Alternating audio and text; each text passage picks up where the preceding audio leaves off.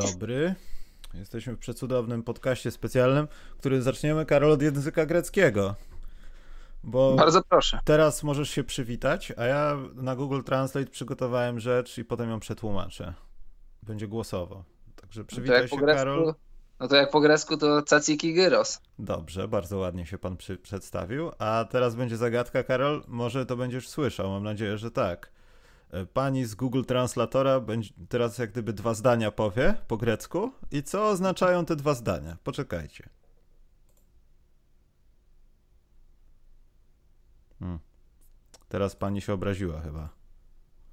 A nie, pani się nie obraziła, poczekajcie, bo ja sobie wyciszyłem tutaj, żeby nie, nie dawać echa, więc ta pani momen, moment, momencik, ale sekundkę. O, teraz pani będzie mówić, Karol.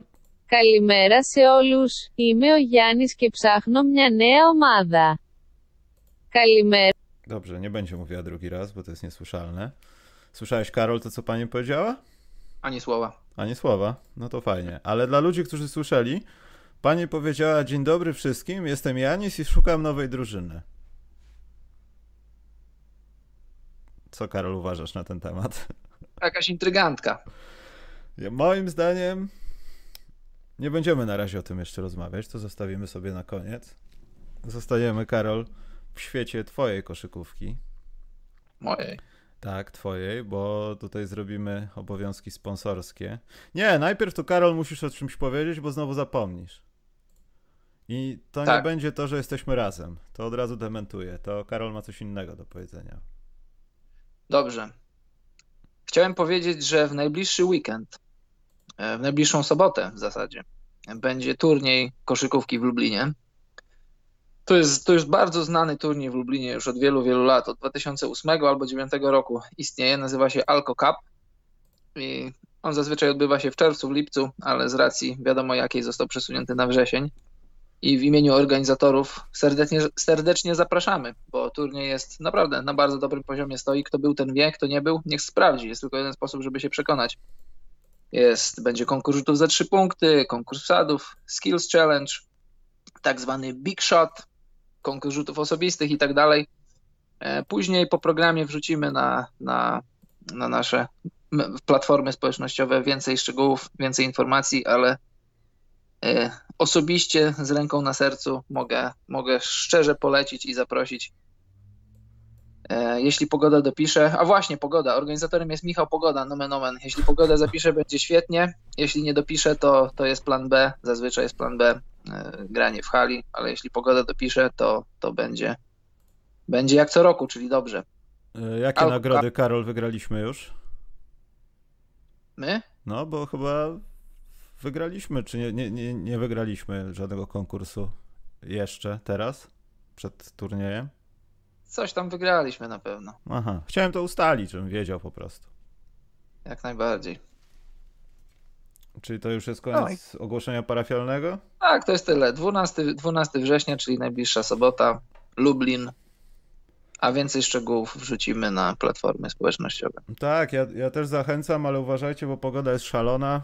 Rano się wychodzi, wieczorem się wraca, dwa dni się prądu nie ma.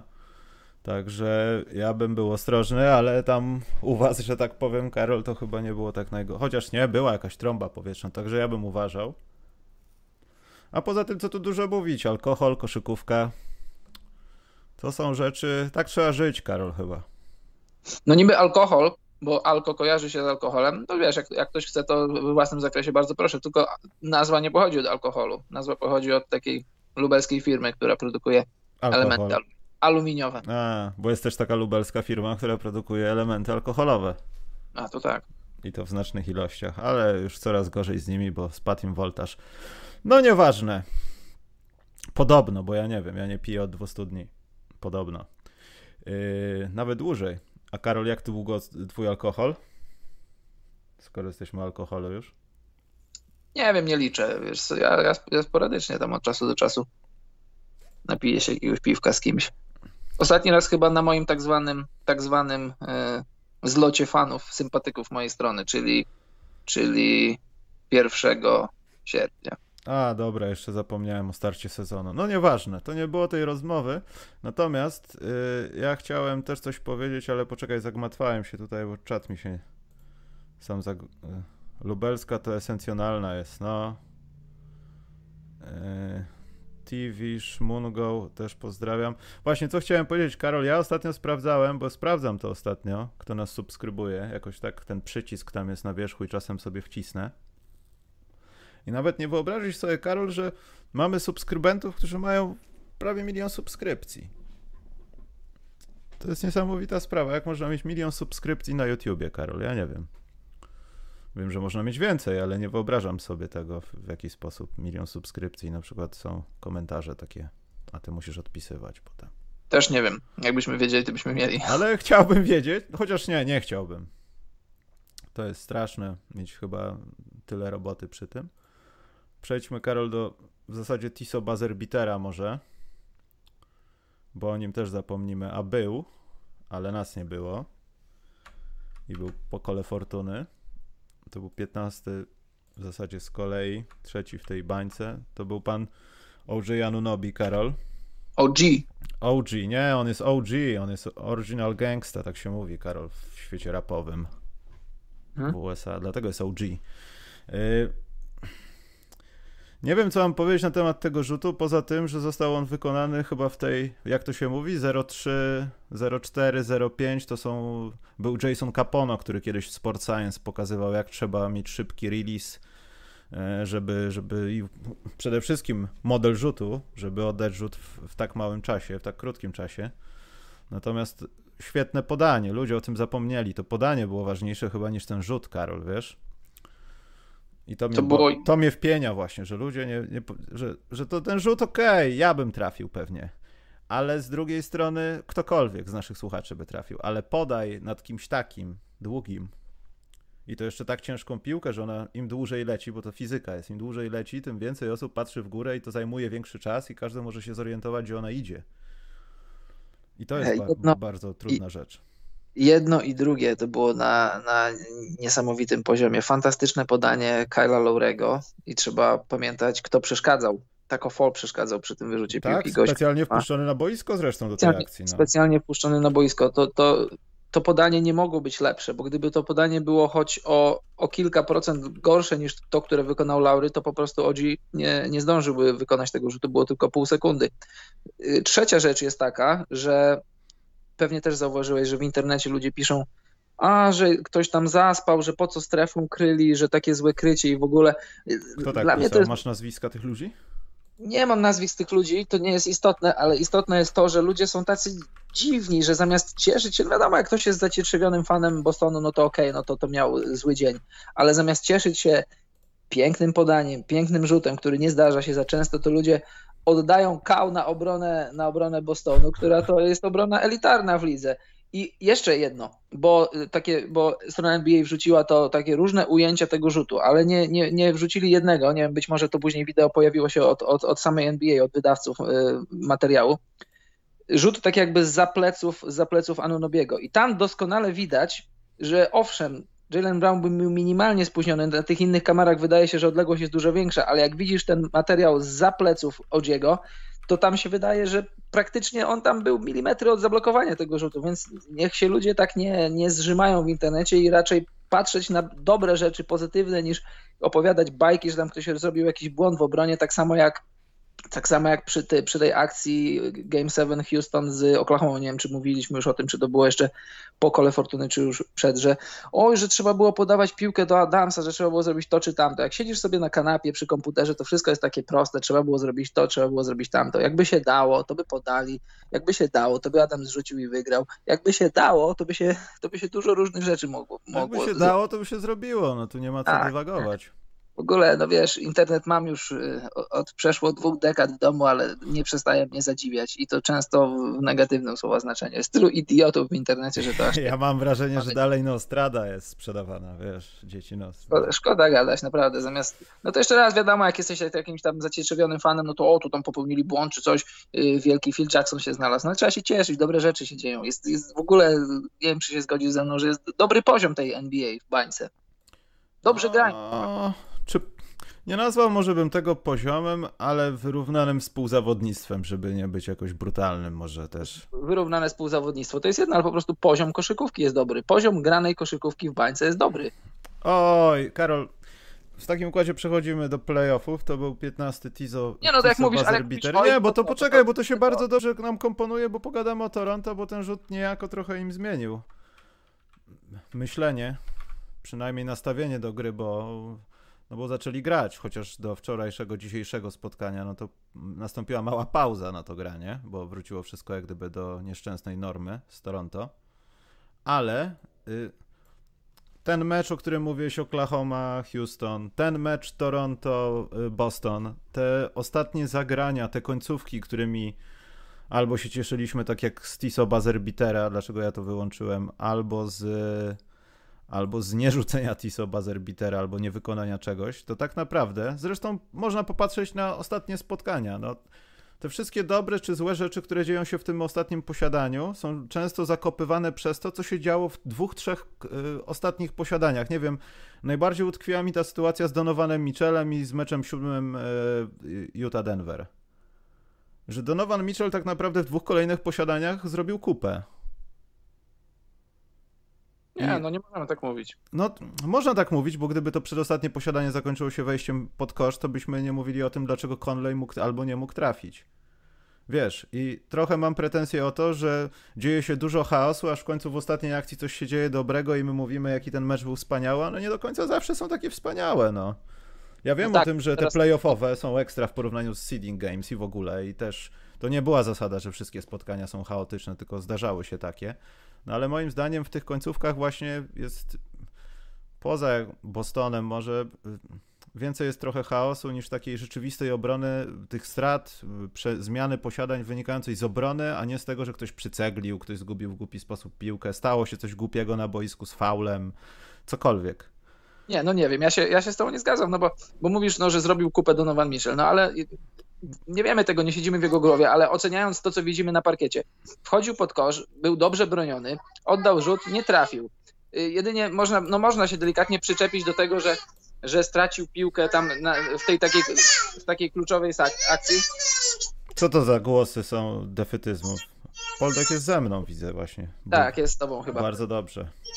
Ktoś normalny jest. i że ewentualnie stracił piłkę, ale wiesz, ja bym raczej patrzył, że to po prostu, że, że, że jest dobra obrona, dobrze grają zawodnicy, a nie, że, a nie, że rzeczy, które chcieli zrobić, a się nie udało ich zrobić, to wynikają z tego, że, że tam właśnie no, y, coś tam w sferze psychicznej, czy coś tam w sferze takiej, że jakichś tam niedociągnięć technicznych, no ja, ja wiesz, Ale ja tego nie oceniam jako, jako tego, że ta gra jest do dupy, tylko tego, że po prostu w tych takich wspaniałych zagraniach, tak jak w, akurat też na przykład w meczu z Toronto, za, nie pamięta się o tych dwóch, trzech posiadaniach, które no, mogły doprowadzić po pierwsze, no wiadomo, tak to się mówi, do innego obrotu spraw, ale też no, nie przypominały tego przedostatniego posiadania w meczu, wiesz, jakieś głupoty, jakaś strata, cokolwiek, emocje, no ja to rozumiem, tylko mówię o tym, że zapominamy o tym po prostu czasem. OJ trafił, ale tam też nie było dobrze, Karol, w kolejnych posiadaniach w końcówce ze strony Toronto. Aczkolwiek Hmm. i tak było lepiej niż w tym ostatnim meczu, no, który chyba, Karol, nie będziesz go komentował, bo nie wiem jak to nazwać. Co się dzieje, Karol, z drużyną, która przez dwa mecze się odnajduje i jest tak postawiona przy ścianie, że potrafi wygrywać z tym swoim oprawcą, a potem przychodzi na mecz numer 5, tak? I, i są, jest powtórka z rozrywki z pierwszego spotkania, z drugiego spotkania trochę. No, no, dzieją się rzeczy, o których mówiłem po, po nie wiem, czy po 1-0, czy po 2-0 dla Bostonu. Y, Toronto doszło do nie do ściany, tylko do, do szczytu swoich możliwości w tym składzie. Serio? I- Uważasz, że to jest to? Tak, tak uważam. Jeśli chodzi o, o Pascala Siakama na przykład, e, wiesz, jest zawodnikiem na, na maksa, którego dostał. Tylko, że są maksy i maksy, sam wiesz. I, i Pascal Siakam to jest taki lider. Ale który- poczekaj, y, ja No. wiem, że w NBA to tak nie działa i ogólnie ja już pomijam przepisy, ale percepcja i tak dalej. Chociaż w przypadku niektórych zawodników możemy zauważyć, że czasami niektóre rzeczy są na wyrost, ale ten jego kontrakt to może to nie do końca nie była ewaluacja tego, że Pascal Siakam przy Kałaju urośnie do takich rozmiarów, że Toronto nie musi się bać o to, że trzeba załatwiać kolejnego franchise playera, tylko już go mają. Ale z drugiej strony to też yy, było trochę oddanie długu. Że zrobiłeś dla nas na tyle dużo, że to też się dokłada do tego maksa. Ja tak na to przynajmniej patrzyłem. Że owszem, nie, to, jest... to, jest... wyjście frontem do klienta, damy ci zarobić, bo fajny z ciebie koszykarz, perspektywiczny, jesteś naszą nadzieją. Trochę też myślimy tak o innych zawodnikach w naszym składzie, ale wiemy, co zrobiłeś w tym sezonie, wiemy, gdzie byłeś wcześniej, dlatego damy ci trochę więcej pieniędzy i tą wolność, pomijając to, czy tam nam się to skleja z salary cap na przyszłe lata, czy nie i co to oznacza w dalszej perspektywie czasu, ale mimo wszystko to jest to taka, jak to nazwać, zaliczka też trochę, no. To jest jedno i drugie. To jest trochę zaliczka, to jest to, co zrobiłeś w playoffach 2019, to, co zrobiłeś w finałach. To jest zaliczka na poczet tego, kim jeszcze możesz być. 26 lat, jeszcze, jeszcze wiele sezonów, w których będzie się rozwijał. I patrząc od strony finansowej, no tak jest teraz salary, tak jest teraz no, no, salary poszczególnych drużyn, w ogóle umowa między ligą a zawodnikami, że, że bez żadnej ekonomii kreatywnej możesz mieć, możesz mieć po dwóch zawodników na, na mocy maksymalnego kontraktu, czyli 60 w lidze. Y, czy Pascal Siakam jest wśród 60? No, na 100% jest. Ale na pewno nie jest wśród, y, wśród y, zawodników, z którymi możesz iść zdobyć tytuł jako jedynką. Ja to mówiłem wcześniej i Toronto jest zadowolone, na pewno jest zadowolone. To nie są źle wydane pieniądze, bo to, jest, to są pieniądze wydane w zawodnika, który, który przez najbliższe lata będzie ci gwarantował, może nie gwarantował, ale no, blisko gwarantowania tego, że będziesz wygrywał w sezonie po 45 lub 50 meczów, wchodził do playoffu bez żadnego problemu i w końcu spotykał się z drużyną, która jest od ciebie lepsza.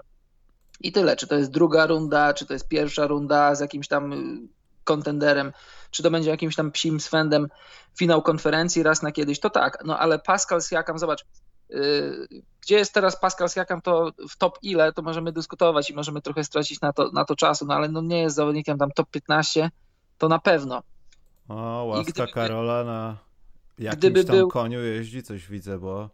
Dlaczego? Bo w zeszłym roku to w sezonie to Karol naprawdę jakbyś stracił w niego wiarę w ciągu pół roku. Nie, no ja ani, ani nie, nie prze, przeszacowywałem go w zeszłym roku, ani teraz go nie, nie, nie degraduję. No jest po prostu zawodnikiem, jakim jest. Zobacz, y, w meczu, który być może decyduje, będzie decydował ten mecz 5 na 3-2 wychodzi Boston minionej nocy. W meczu, którym potencjalnie masz szansę wyjść na, na takie takie, takie prowadzenie, takie, które wiesz, no z 3-2 łatwo myśleć o przejściu do finału. Tutaj musisz wygrać dwa kolejne mecze, bo grasz dwa mecze z nożem na gardle. Pascal Siakam oddaje tylko 9 rzutów. Wiesz... Yy...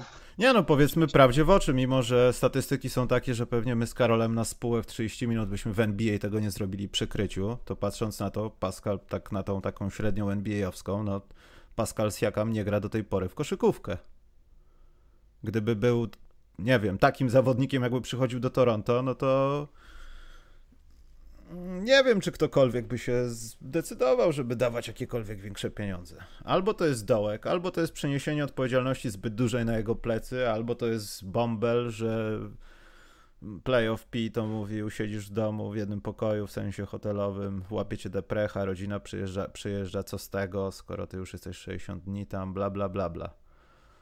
Nie no, to jest po prostu to, jest po prostu to że, że Pascal Siakam, czy zawodnicy tego typu konfrontują się z lepszymi od siebie i na, na tym tle wyglądają gorzej. Jakby, zobacz, była seria z Brooklynem, wyglądał, wyglądał dobrze, choć nie rewelacyjnie. Masz sezon regularny i grasz z różnymi tam Atlantami, z różnymi tam Wizardsami i wtedy wyglądasz jeszcze lepiej. Przez cały sezon twoje statystyki są, twoje statystyki i obraz patrzenia na ciebie jest dużo lepszy, ale przychodzi do konkretnej serii z lepszym rywalem i wyglądasz tak, jak wyglądasz. I to nie jest żaden mój zarzut do Siakama. No, wiesz, jeszcze raz, mówiłem to w zeszłym tygodniu. Toronto jest na takiej pozycji teraz, przez, no teraz i być może przez najbliższe 2-3 lata, na takiej pozycji, o której marzy ponad 20 drużyn w NBA, żeby być stabilną organizacją z wyrównanym składem, z dobrym trenerem i z, z perspektywami na wygrywanie 45 plus meczów, 45 i więcej i wchodzenia do playoffów bez żadnego problemu każdego roku. To, to wiele, jeśli nie większość organizacji o takim czymś marzy. Toronto to ma. To nie jest ten skład, to nie jest materiał na mistrzostwo. I, i tu wiesz, nie ma co płakać. No tak, tak, tak, takie są realia. I to też y, no, w kontekście zawodnika, o którym chyba też pogadamy zaraz, e, to jest sytuacja tego typu, że Toronto też musi myśleć o tym, że dzięki takim zawodnikom, grze, powodzeniu drużyny, ewentualnie da się przyciągnąć jakieś to wielkie nazwisko. Bo tam się mówi coś o Antku. Ja to, to, do końca nie wierzę, żeby to tak szybko nastąpiło, że ten ostatni rok będzie myśleniem, dokąd oddać Antka, bo on u nas nie będzie chciał podpisać umowy i dostać pieniążków. To wydaje mi się, że im lepsza gra Toronto, tym po prostu kusisz lepszego, młodego, wolnego agenta, gwiazdę, której chcesz coś tam zapłacić albo kogoś wytransferować ze swojego układu po to, żeby poprawić status drużyny. Bo przecież jak wiadomo, że jakby Toronto grało słabo w tym sezonie, to ludzie pokroju Antka by się nie zastanawiali nad tym, czy może tam. Wiecie co, ja chcę tam jechać. Więc to jest taka, no, miecz obusieczny. Muszą być dobrzy, żeby być lepsi. Jeśli chodzi o skład osobowy, no. Mhm.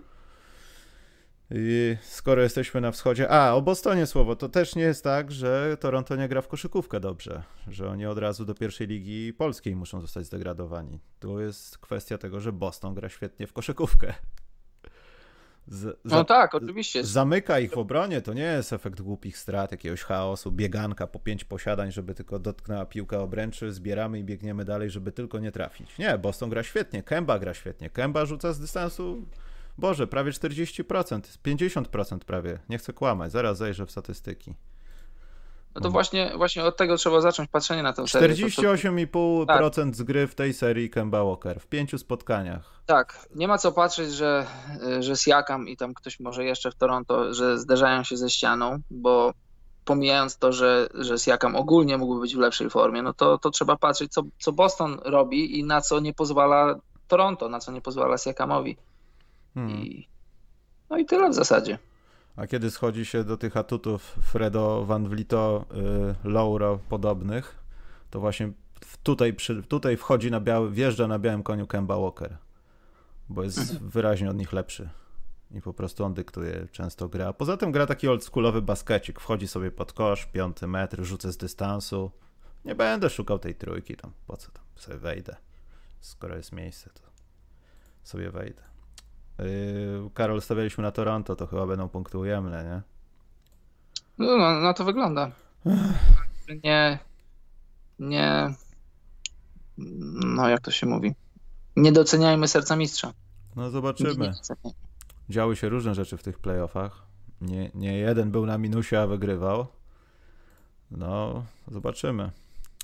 Nick Nurse ich powinien przeprowadzić do siódmego meczu, ale nie wiem, czy na ich korzyść. Natomiast końcu pogadajmy po grecku, Karol.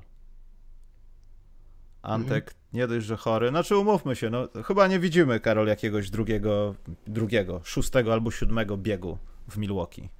Bo to, co się stało w tym meczu numer 4, no to nawet mój malutki Monsunik miał mecze na sercu.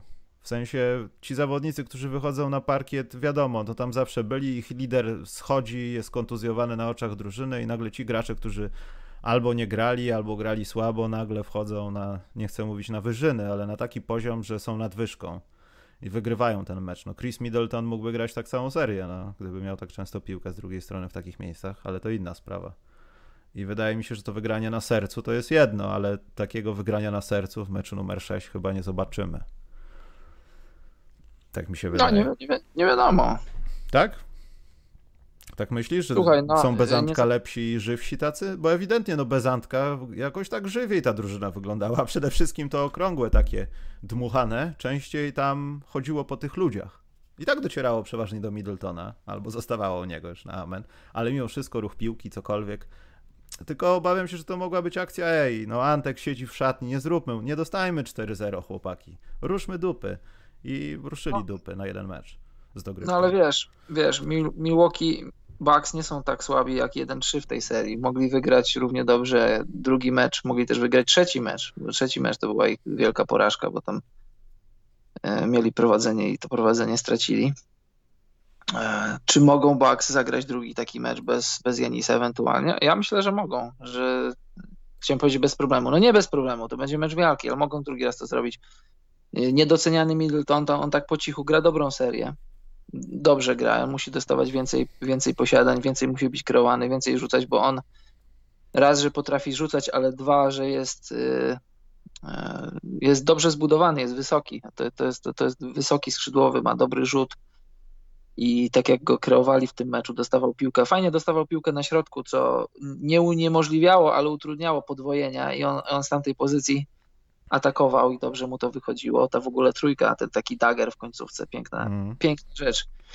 I pytasz, czy, czy to tak na I fali. Przepraszam, to był taki moment, gdzie większość ludzi, jeśli ktoś oglądał na żywo, to pewnie wyłączyłam to spotkanie. Już jak, to już jak Antek schodził, to myślę, że już tam kupony ludzie darli, już jakieś sceny się działy w Stanach czy gdzieś tam. Tak mi się wydaje. A tu nagle. Tak.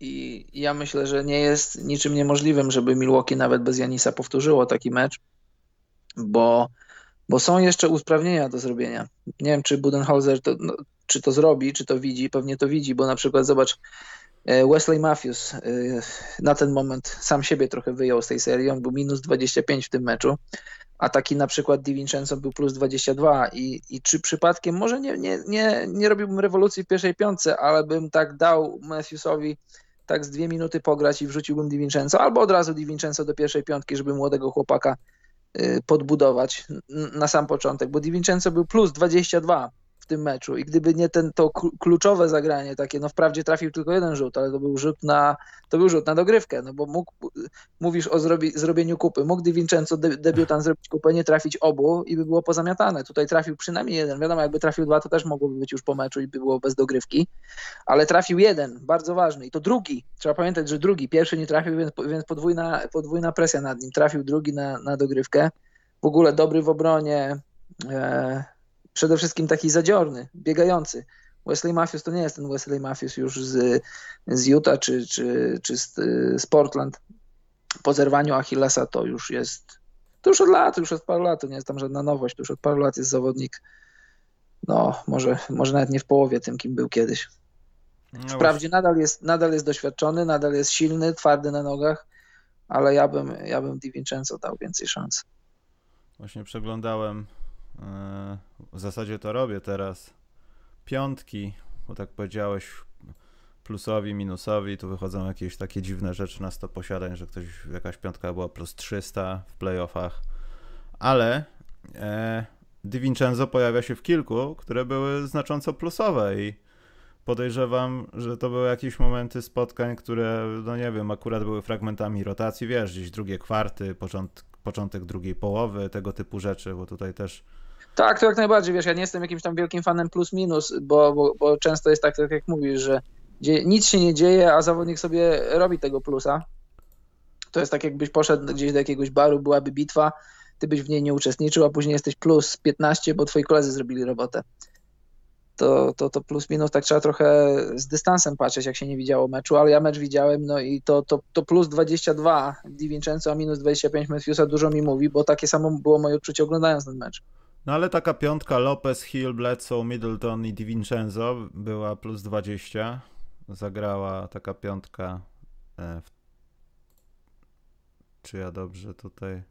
Nie, tak, ta piątka zagrała około 10 minut. Wiadomo, to są jakieś szczątkowe ilości, poza tym też dostosowuje się do przeciwnika. Natomiast to, co powiedziałeś DiVincenzo, on jest takim trochę zawodnikiem z Miami. Ja tak bardziej to postrzegam, że w takim trochę układzie, tak. skoro Milwaukee ma walczyć, to też musi trochę podpatrzeć od przeciwnika i zabawić się w te takie małe, nie do końca czyste rzeczy, które robią zawodnicy z Miami i do tego nadaje się Bledsoe, do tego nadaje się Hill, który jak nawet rzuca czy broni i patrzy na ciebie, to masz wrażenie, że on po prostu nie, on jego tam nie ma. To jego spojrzenie jest tak tempa, jednocześnie jest skupione na tym, co się dzieje, on poluje na piłkę po prostu.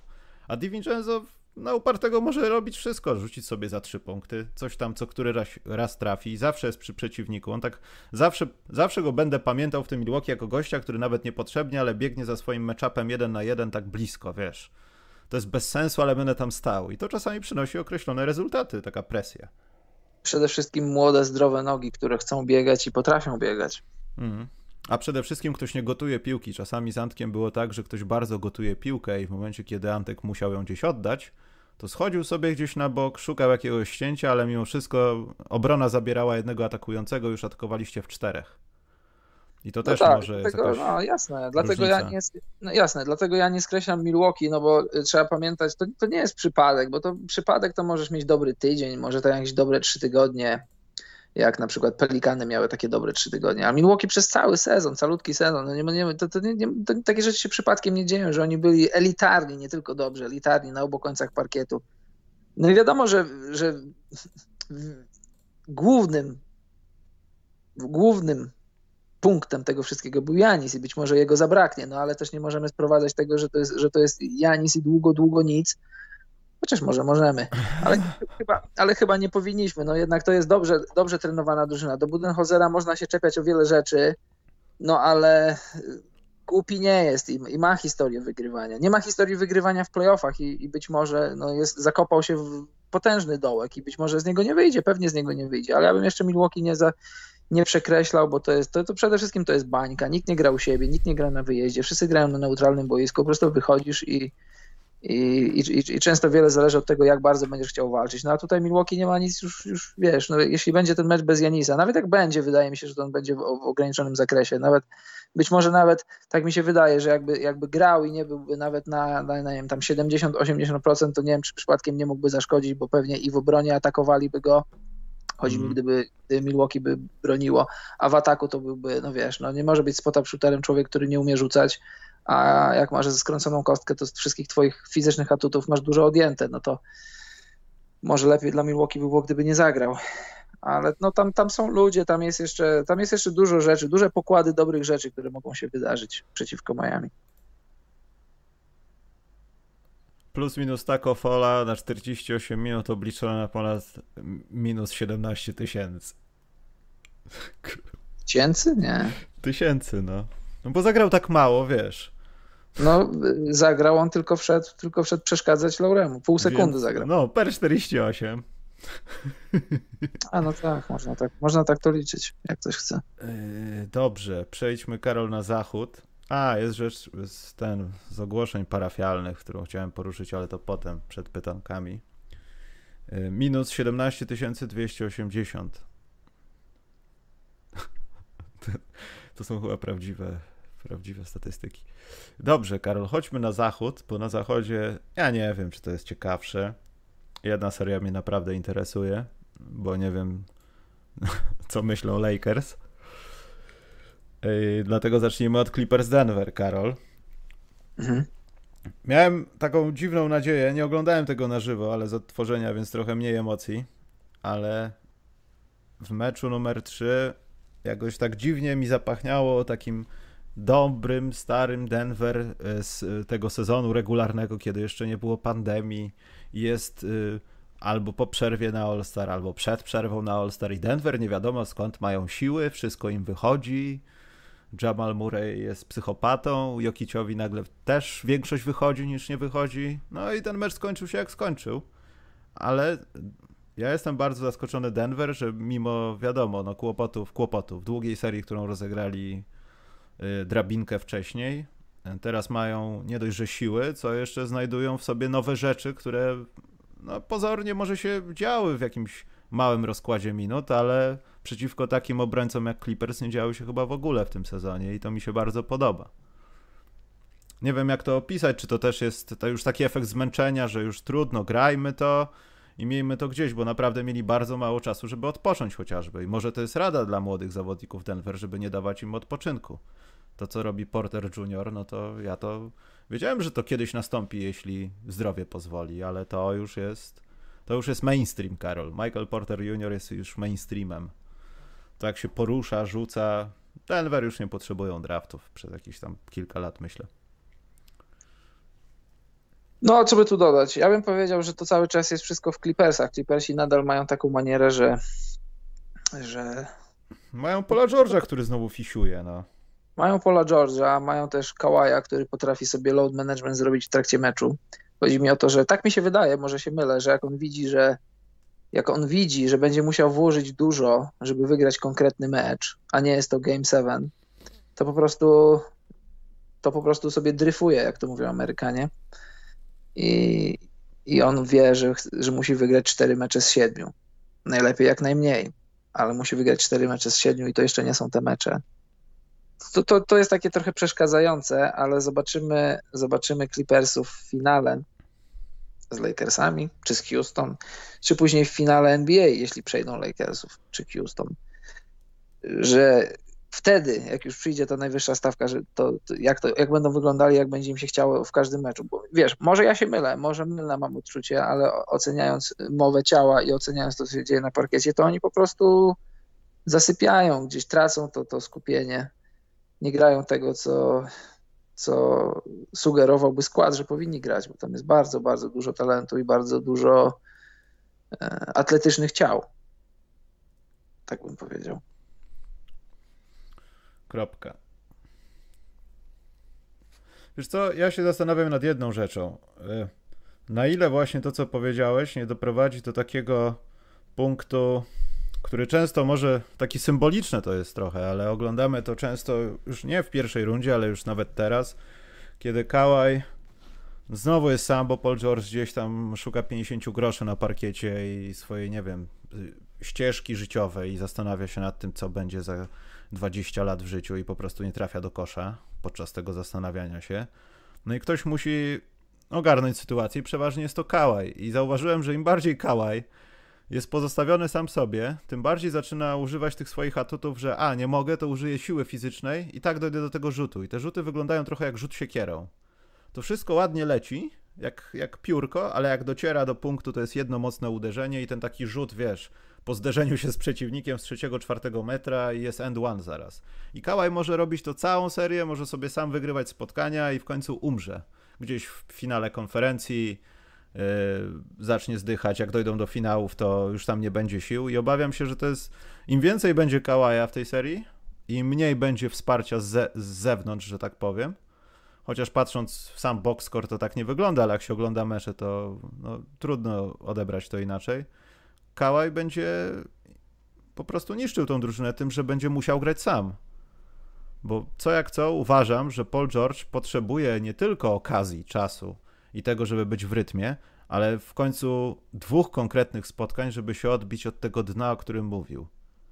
Bo to na razie wygląda tak, że on się topi, ale co któreś spotkanie, nawet sumując kwartę, on wypływa trochę na powierzchnię, łapie powietrze, ale znowu coś go wciąga.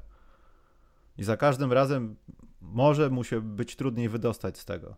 A już nie będzie łatwiej. Denver jak na razie to są w porównaniu z tym, co ich czeka w Los Angeles, z Los Angeles, z przyjaciółmi z zamiedzy, no to nie, nie daje dobrego obrazu na finał konferencji dla Clippers. Tego się można obawiać, będąc kibicem Clippers, którym nie jestem zresztą, ale to byłaby moja największa bojaźń. No tak, niby nie daje, ale z drugiej strony daje, no bo drużyna, która gra na, w tych playoffach na jakieś tam 70 parę, może 80% swoich możliwości, jednak wygrywa i przychodzi do meczów, kiedy trzeba. No tak, Karol, ale poczekaj, masz końcówkę i te końcówki widzieliśmy ich wiele, kiedy Kałaj nie wie, co ma zrobić, bo już wszyscy się spodziewają tej siłówki, dobrze go nastawili, więc on już nie ma kozła, musi się obrócić. Podanie do pola George'a, kiedy już skosił z 10 rzutów, trafił dwa, no nie podasz mu, będziesz sam forsował rzut i nagle kończy się ten mecz, jak się kończy. Będzie wiele takich sytuacji. Pod koniec kwart, pod koniec może jakichś tak ranów być. i... Może, może tak być, może to jest mylne z mojej strony, że wydaje mi się, że oni to ten psztyczek przełączą i w końcu zaczną grać tak, jak mają, bo może to się nie stanie. Może zawsze będą grać tak, że dzisiaj jest Paul George na 35 punktów, jutro będzie na 12, Kawhi dzisiaj jest na 30 punktów i 14 zbiórek, a jutro będzie na, na coś dużo mniej. A propos tych rzutów, co powiedziałeś, to ja też miałem podobne odczucie. Czasem no on, on, ma świetny rzut z pół dystansu, ale czasem jak, jak ciska piłką, to to się wydaje, jakby ona ważyła 7 kilo. Ale to tak, tak wygląda, jakby tak trójskoczek jakiś taki z, z połączeniu z zapasami. Masz przeciwnika w obronie i jest taki pierwszy krok, odbicie się, to już połowa ze słuchaczy i nas wylądowałaby na ojomie Kałaj patrzy, aha, on jeszcze żyje, robię drugie uderzenie i widać, że wkłada w to siłę, nawet czasami nastawia bark, żeby było mocniej i po tym drugim odbiciu oddaje rzut. I to w połączeniu wygląda tak, jakby wiesz, bomba atomowa uderzyła o ścianę bunkra, sekunda i następuje wybuch. No jakbyś taką piłką dostał w głowę, to... No myślę, że jakbym kałajem dostał w jakąkolwiek część ciała, to parę pokoleń do przodu by to odczuwało. No to jest takie słynne nagranie, znaczy nagranie, akcja taka z finału zeszłego roku, jak Kawhi wchodzi pod kosz i on tam wpada bodajże na Kevona Luneya I to jest takie nieprawdopodobne. Tak, to Kevin Looney tak odfrunął Tutaj- śmiesznie. No. Tak, tak, tak. I to on wchodzi, Kałaj wchodzi, robi zwykły dwutakt. Tam nie ma ani żadnego jakiegoś ba barkiem nie wchodzi w Luneja, ani łokciem. On po prostu w niego wpada, tak jak to często się wpada. A Kevin Looney odpada jak w kreskówkach. Ja to zaraz znajdę, wrzucę, bo dla mnie to jest, widziałem to już, no już od roku, to oglądam raz na jakiś czas Tak. i cały czas jest to dla mnie nieprawdopodobne. Znaczy, chyba Looney był trochę w powietrzu i był ta taka siła bezwładności go złapała wtedy, no ale mimo wszystko to uderzenie takie to było kreskówkowe mocno, masz rację, że tak siła, reakcja, te wszystkie rzeczy z fizyki i nagle Kevin Looney łamie prawa grawitacji i odlatuje parę metrów. To piękna Tak. sprawa, taki, taki Jean-Claude Van Damme na chińskich filmach karate ze sznurkami, takie coś, że gość dostaje lekkiego kopniaka i nagle odfruwa w ogóle. Już, już znalazłem, już wrzucam. E, Świetne. Bardzo, bardzo polecam, obejrzyjcie to sobie. Kevin Looney odpada jakby, jakby ciężarówka w niego wjechała, a tam nawet Kałaj nie jest jakoś tam super rozpędzony. A Kevin Looney też taki jakiś chudy nie jest, nie? No a właśnie Kevin Looney do, do puderlaków nie należy. Piękne to jest. No nic.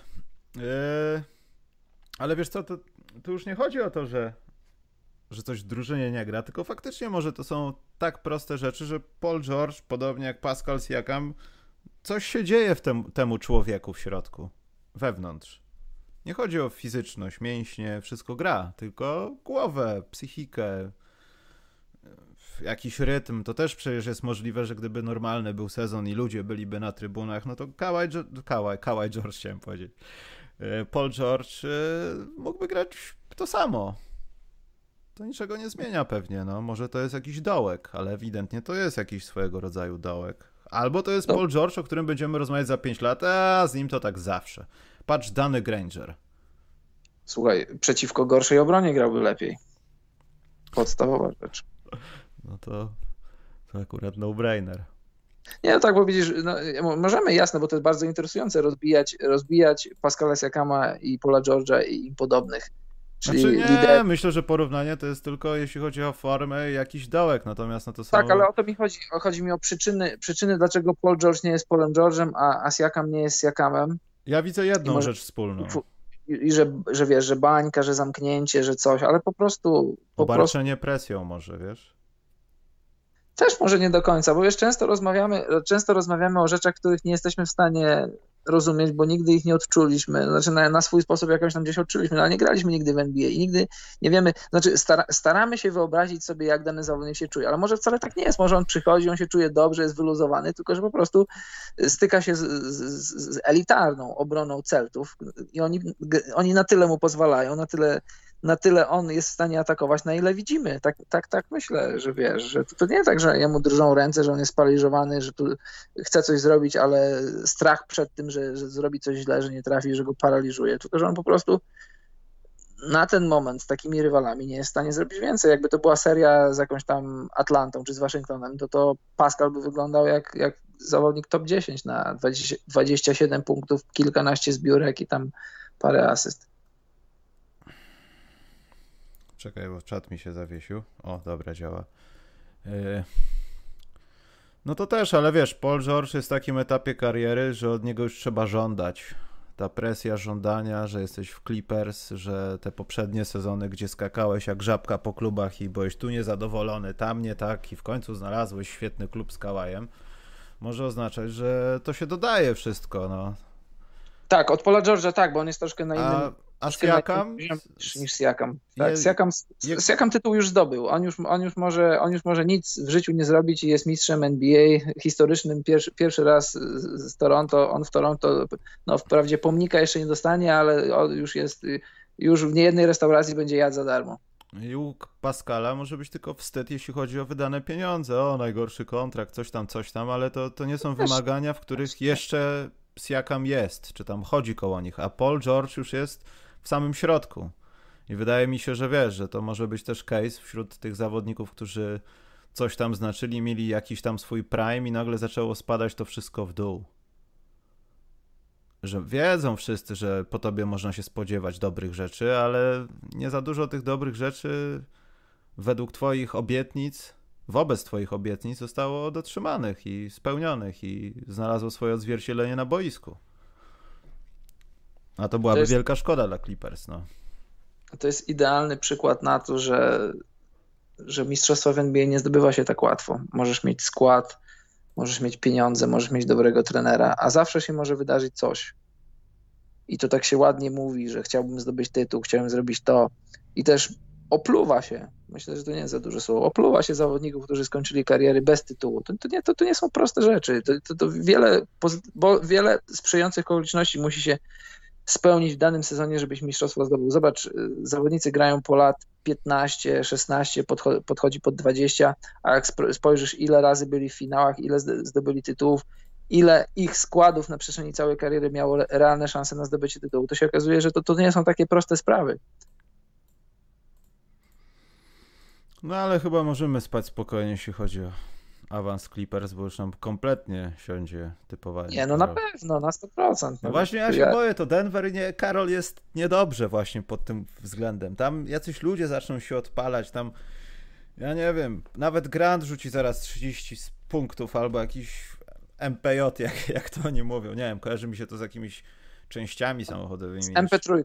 Nie, MPJ, że wahacze chcesz jakiej firmy? MPJ, bo jest taka firma SKF, wiesz, taka co robi jakieś różne rzeczy i chcesz wahacze MPJ kupić. No ale nawet gdyby tak się miało dziać, no to bardzo chętnie, bardzo poproszę. To, Jakie to chętnie? Znaczy... To dwie ujemne serie. Jakie chętnie? Ty zwariowałeś? Ale ja mam, to wiesz, ja tam mam to gdzieś. Nie, a ja nie, nie a ja nie, bo ja w zeszłym roku przegrałem. Nie, niewolnikiem własnych typów. No. Gdyby się nagle okazało, że, że Denver Denver znajdą pokłady, pokłady czegoś tam, no bo talent tam jest. Co, będą nagle z dnia na dzień mieć coraz większe doświadczenie i wiarę w siebie i w ogóle. No historia, wprawdzie takich przypadków nie było za wiele, ale, no, ale trochę takich było. I, I co? Dla nas kibiców, no życzmy sobie, żeby tak było. Ostatnia seria. Żeby działy się niespodziewane rzeczy. Niespodziewane rzeczy to tu się będą dziać. Lakers Houston. No. Lakers Rockets w zasadzie. Zaraz się jacyś puryści trafią. Nie wiem, co mam Karol o tym wszystkim myśleć. Bo wydaje mi się, że. To ja ci powiem. Że ja wiem Covington 09 postseason. Ja nie chcę, Karol, tego słuchać. Ja chcę słuchać rzeczy w stylu. Jak zadać pytanie, żeby było właściwe? Lakers nie są w stanie, jeśli, podkreślam, jeśli jeśli Russell Westbrook robi połowę głupich rzeczy mniej niż zwykle, jeśli James Harden nawet gra przez trzy kwarty do pani, ale w czwartej nagle zaczyna siedzieć i nie robią się głupie rzeczy. PJ Tucker świetnie broni, świetnie. W ogóle ja chcę mieć koszulkę PJ Tuckera. Wszystko się zgadza, tylko pytanie do Lakers. Co oni mogą zrobić, żeby nadążyć za tym ich small ballem? Ja wiem, zobaczyliśmy to trochę w tym drugim spotkaniu ale obawiam się, że te remisy, zmiana prowadzenia będzie dosyć częsta w tej serii. Z tej uwagi, że no, wydaje mi się, że Lakersi nie są w stanie wyprodukować takiego small ballu, który będzie walczył na równych zasadach z Houston Rockets, w momencie, kiedy oni tam są u siebie, mają inicjatywę i są na swoim poziomie i wiedzą, co tam się dzieje w tym small ballu. To jest ich gra. Lakersi, mam wrażenie, nie są w stanie włożyć tego patyka w szprychy. Aczkolwiek, jeśli Houston i ich cała ta filozofia e, pali na panewce w pierwszej, w połowie drugiej kwarty, to Lakersi robią taki, takie środowisko, w którym już nie ma prawa być small ballu, bo Antony Davis i LeBron James po prostu zabierają okazję nawet w obronie do tego, żeby się bawić w ten sposób. I to jest chyba największy kłopot dla Lakers, że jeśli wszystko dobrze pójdzie, to nawet nie zależy od Rockets, to zależy po prostu od, od formy, od szczęścia, od tego, jak, jak gracie, no, decyzji zimnej głowy, cokolwiek, jak zwał, tak zwał, to Lakersi w tym są praktycznie no jak porcelana do rozwalenia w tym aspekcie. Tyle. Mhm. Słuchaj, ja patrzę na to tak. Ludzie za bardzo skupiają się na tych centymetrach, że to jest small ball, że to jest micro ball, że rakiet to są tacy inni. E, za bardzo też się skupiają na tym, żeby sobie trochę śmiać się, szydzić e, z różnych tam przywar Westbrooka i, i Hardena, które to przywary oni mają, tylko że chodzi o to, że podstawowa rzecz, że, że Rockets świetnie bronią. To jest najważniejsza rzecz. To jest rzecz, o której, od której powinno się zacząć mówić na temat. Ale Karol, to wynika ze small ballu. Masz małych zawodników, którzy. Ale no, nie, nie o to chodzi. Nie o to chodzi genetyka, to no jesteś szybszy, jak mniejszy jesteś. Ale no. nie o, to, nie o to chodzi, z czego to wynika, bo gdyby tak, nagle tak było, to, to by się okazało, że wysocy ludzie są niepotrzebni w NBA i, i, i liga zaczęłaby z nich rezygnować. To nie o to chodzi, bo na przykład mówi się, że ten small ball, micro ball, czy jakbyś tego nie nazwał. Zobacz, Bam Adebayo, ile on ma? On nie ma, on nie ma 2,10, czy nie ma 2,15. Bam Adebayo jest wysoki, ale to, to nie jest jakieś, jakieś nie wiadomo co. Jak spojrzysz na przykład na jakieś piątki, w, w których grają y, hit, no na przykład hit, no bo hit są hitem tych playoffów, to to nie, jakbyś tak centymetry zmierzył, przyszedł z linijką, to to nie byłoby nie wiadomo ile więcej od tego, co grają Rockets. To po pierwsze, trzeba przede wszystkim zwrócić na to uwagę, że, że świetnie bronią. I to nie, że, że brakujące centymetry sprawiają to, że oni są bardziej mobilni. Oni po prostu świetnie bronią. Indywidualnie, jeden na jednego i też drużynowo. Co zrobili w czasie pandemii, to nie wiem, może jakieś robili tajne treningi, w których tylko ćwiczyli obronę, tego nie wiem, ale fakt jest taki, to jest fakt, o którym bardzo mało się mówi. Może trochę się mówi, ale o wiele mniej niż, niż się powinno mówić, że Rockets świetnie bronią. I te rzeczy, które tam wychodzą im przeciwko Lakers, czy wcześniej przeciwko Thunder, to nie są takie rzeczy, że, na, że nagle się tak zdarzyło, że, że Rockets rozstrzelali wszystkich trójkami, a ludzie nie wiedzieli, co się dzieje. Naprzeciwko siebie mieli małych ludzi. PJ Tucker nie jest mały swoją drogą, widziałem go na żywo parę razy. To, można o PJ Tuckerze powiedzieć dużo, ale na pewno nie to, że jest mały. To, to, to, to kolejna rzecz. I, I zobacz, y, mówi się też, no teraz już też mniej, ale też raz na jakiś czas wracają te żarty, że James Harden, to, to, to już to żart, to już jest koniec. James Harden super broni. Nie jest, pewnie nigdy nie będzie w pierwszej piątce obrońców, w drugiej też pewnie nie, ale powiedzieć o nim, że jest słabym, to jest kłamstwo. Powiedzieć, że jest średnim, to też jest kłamstwo. Jest dobrym obrońcą już teraz. O właśnie, wracając do tej, wracając do tej akcji takiej y, z Game 7, że nie dostał piłki do Adamsa. Kto krył Adamsa? James Harden. Kto go wypychał z pomalowanego? James Harden, jednego z najsilniejszych facetów w NBA. Wypychał inny super silny gość, o którym się aż tak dużo nie mówi, że jest silny, bo ludzie o tym nie wiedzą. No tak, poza tym to, to co powiedziałeś, ja się oczywiście z tym wszystkim zgadzam, ale pod pojęciem small ball bardziej myślałem o tym, co robią Rockets w ataku, jeśli nawet już nie chodzi o rzuty za trzy punkty, bo z tym bywa różnie. Ale chyba o tym Westbrook wspominał. Tu chodzi o samo tempo gry. To do tej pory faktycznie przypominało tak w ogóle w NBA, że ludzie biegają i nagle zatrzymują się za tą linią za trzy punkty. A w tym przypadku oni biegają non-stop. Tam nie ma chwili praktycznie, kiedy oni nie biegają w ataku. I to jest właśnie small ball. To jest właśnie przemieszczanie się z piłką, powodowanie, że przeciwnik nie jest w stanie nawet dobrze ustawić się w obronie, bo te sytuacje są jak karmienie kolibra. Dwie sekundy i zaraz nie ma tej pozycji. I ty stoisz, a ten gość już za tobą przebieg, jest stworzona druga, trzecia, czwarta, piąta, szósta, dziesiąta pozycja do tego, żeby zaatakować kosz. Bo to, że bronią świetnie, no to to, to, to jest raz, a dwa to już u Hardena widzi, widzieliśmy, no. To jest chyba te playoffy, nie chcę powiedzieć ten sezon w bańce, w Bomblu, przepraszam. To nie będzie początek, ale myślę, że te playoffy, jeśli Harden będzie robił dalej takie rzeczy, już z blokowaniem ludzi z pomocy, co jest w ogóle, pamiętając to, co robił w obronie szalone, on może po prostu przepisze tą swoją negatywną historię jako gościa, który się nie starał w obronie. No, to, to, to były fakty. Nie widział tak, sensu, żeby włożyć gdzieś ręce i faktycznie wtedy, w tamtych czasach, kiedy on jeszcze nie podawał, bo to też wtedy się nie działo, a też to obserwujemy w ostatnich tam, nie chcę powiedzieć nastu latach, ale kilku, to to są też takie z, zmiany, znaczy mówię o obronie, to też są takie zmiany, że ty więcej tych sytuacji, które widzisz, że ci się nie chce, zaczynasz sobie tłumaczyć, ale gdybym wcześniej coś zrobił, to bym w tej sytuacji mógł zrobić. Bo wtedy ten brak obrony był taki, że Harden wiedział o tym, że on nie zdąży, że już jest za późno i miał opuszczone ręce i no co miał zrobić? Sfaulować tylko? Tak, to, to też się stabrało po prostu. Tak. Były lata, w których nie chciał czy nie umiał bronić, ale to już, to już te lata są za nami. I, I wracając do tego stylu grania, jest jaki jest. To też, to też to powiem jeszcze raz, bo już to mówiłem kilka razy, to się nie dzieje z takiego powodu, że nagle Morej z D'Antonim wpadli na taki pomysł, a utrzyjmy nosa całej lidze i wymyślmy coś. Zacznijmy mi bronić. Mi się kończy kontrakt, ciebie wyrzucą za Chiny, chodź sobie coś zrobimy na boku. No nie o to chodzi. Oni uznali w trakcie sezonu, że z Kapelą daleko nie zajadą, tym bardziej, że Kapela był kontuzjowany i nie było wiadomo, i nie było wiadomo, był duży znak zapytania co do jego przyszłości. Zaryzykowali, to ryzyko się się póki co opłaca, bo ja uważam, że nawet ze zdrowym kapelą to ciężko byłoby nim grać stander. Chociaż no, jakiś tam mecz dla, dla Adamsa by to było, ale y, paradoksalnie to, to może Adams bardziej by błyszczał w serii z kapelą niż bez niego, niż mając naprzeciwko Covingtona czy tam PJ Tuckera. No, a, ale, trzeba, ale trzeba, trzeba oddać Rakes to co, to, co trzeba im oddać. Zobacz, y, w pierwszym meczu, jeśli chodzi o zbiórki, to był chyba remis, zaraz sprawdzę statystyki. Tak, remis 41-41 w zbiórkach. Wydawałoby się to dziwne. A w drugim meczu 35 do 41, to to y, Lakersi nie niszczą na deskach y, Rakets. I zresztą nikt nie niszczy Rakets na deskach. I Anthony Davis wprawdzie zdobył 34 punkty w meczu w meczu tym drugim, ale no tam nic, nic łatwo mu nie przychodzi. Hmm, właśnie patrzę. Zapisałem tylko e, właśnie nie pamiętam który mecz, ale wydaje mi się, że to był mecz numer jeden. E, punkty po stratach Lakers. Tego było dosyć sporo. I to jest właśnie też moim zdaniem efekt tego całego pojęcia small ballu. Wiesz, szybciej pchać się piłkę, no. Ten Covington będzie zawsze szybciej bieg niż Dwight Howard w prime, no. Nie oszukujmy się.